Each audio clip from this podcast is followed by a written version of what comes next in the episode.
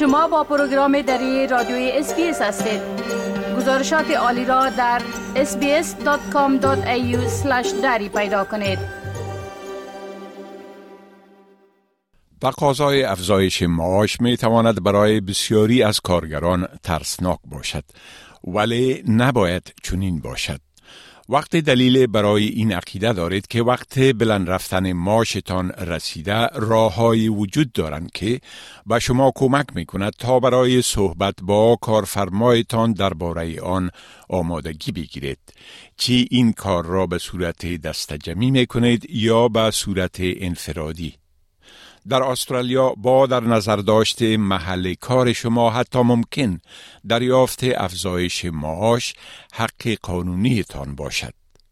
اگرچه قوانین مربوط به افزایش دستمزد در محل کار متفاوتند ولی قراردادهای کاری به صورت معمول اوقات افزایش معاش را طور بخشی از بررسی اجراعات سالانه یک کارمند مشخص می سازد. اما کارگران خودشان می توانند در مورد افزایش معاششان در هر مقطع زمانی مذاکره کنند. سوزن ینگ استاد مدیریت و طرز اداره و مسئولیت اجتماعی در پوهنتون لطروب توضیح می دهد که بهترین وقت سال در استرالیا برای انجام صحبت در مورد معاش با رئیستان کدام است؟ Would recommend that it should be done before the end of the financial year. And so the financial year finishes on June the 30th. And that's when the budgets and the finances are set out for the next year. So just prior to the end of that financial year, say in April, May, that would be the time where you would be asking for a meeting to discuss any potential pay rises so that it's built into the budget for the next year. افزایش سالانه معاش کارگران نیز می تواند حق قانونی آنها باشد. اکثر محلهای کار استرالیا تحت پوشش سیستم کار منصفانه که مجموعه از قوانین ملی مربوط به حفاظت از محل کار است قرار دارند.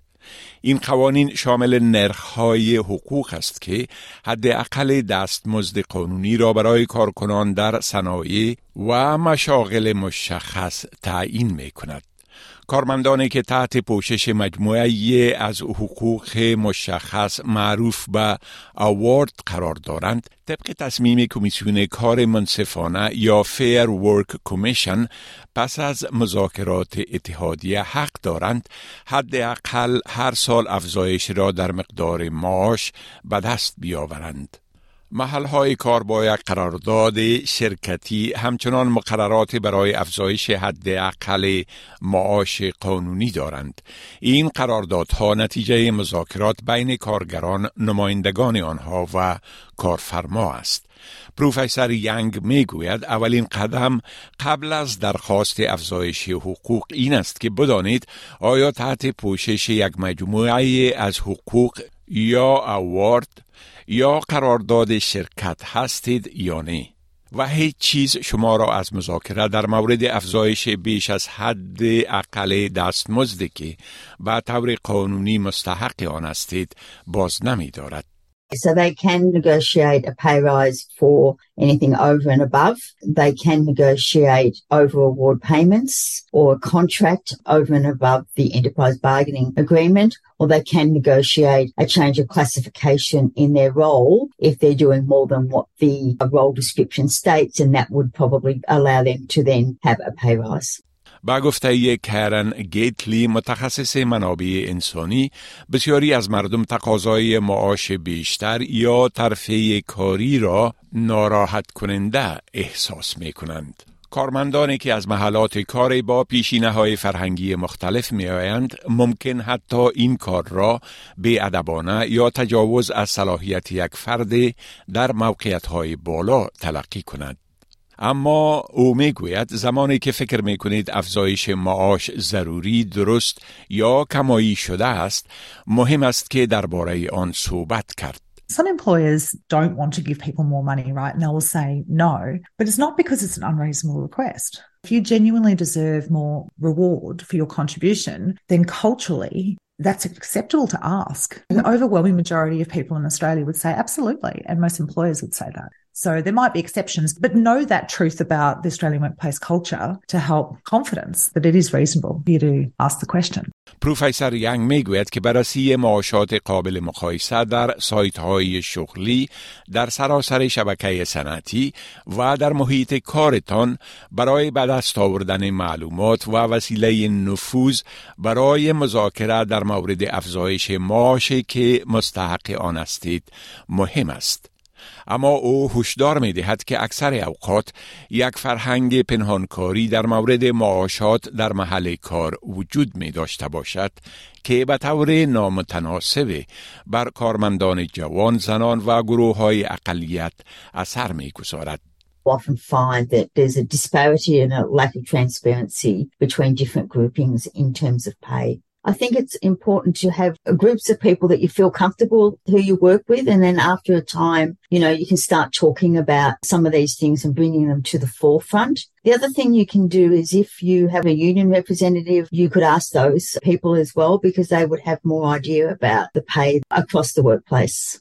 مشل اونیل رئیس شورای اتحادیه های کارگری استرالیا است. او می‌گوید یک نماینده اتحادیه هم می تواند در جمعوری معلومات در مورد معاشات کمایی شده کارگران در موقعیت های مشابه در سراسر صنعت به شما کمک کند.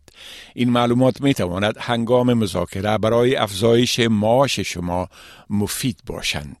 Can find out how someone who might be doing the same job working for a different company or in a different organization, what sort of pay they're getting. So you can also have, as part of your argument, well, other people are getting paid this to do the same work. خانم اونیل استدلال می کند که مذاکره در مورد شرایط معاش بهتر به حیث یک عضو اتحادیه و در کنار کارگران دیگر آسانتر است. خانم اونیل توصیه می کند که قبل از تقاضای افزایش معاش به صورت انفرادی کارگرانی که عضو اتحادیه هستند همچنان می توانند از اتحادیه خود برای کمک در آمادگی گرفتن کمک بگیرند. اتحادیه می تواند رهنمایی و منابع را برای کمک به کارگران در سپری کردن مؤثر این روند فراهم کند. I think it's always important to be well prepared, and that's what a union can help you with. So, thinking about what the arguments are and the sort of examples of that is when was the last time you got a pay increase? How your job might have changed. So, if you've got more responsibilities, you're working different hours, your work has become more intense, you've learned new skills, ولی برای تقاضای افزایش معاش لازم نیست عضو اتحادیه باشید. اگر از طرف خود درخواست می کنید پروفیسر ینگ پیشنهاد می کند که بحثتان را بر ارزش متمرکز کنید که به بار می آورید. But I'd be really focusing the argument around what you've achieved in your job, to looking at sort of evidence that you have. And so can you demonstrate, for example, a greater rates of efficiency or can you demonstrate that you've brought in certain amounts of money or certain new clients or you've changed work processes to bring about increased efficiency or effectiveness. با گفته کرن گیتلی متخصص منابع انسانی نحوه درخواست افزایش معاش می تواند با در نظر داشت سازمانی که در آن کار و شخصی که با او صحبت می کنید متفاوت باشد. اما او می گوید که با تفکر بیش از حد در این وضعیت ضرورتی نیست.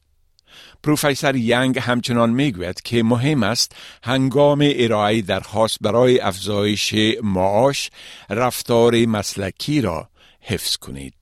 and you're actually asking for a pay rise, it's really important to not be emotional and to use the evidence to support your request rather than say, well, I've worked hard or it's difficult to live because of the CPI. It's really about making sure you've got that evidence and you're presenting that in a really business like manner to show them that you're improving and working hard for the organisation.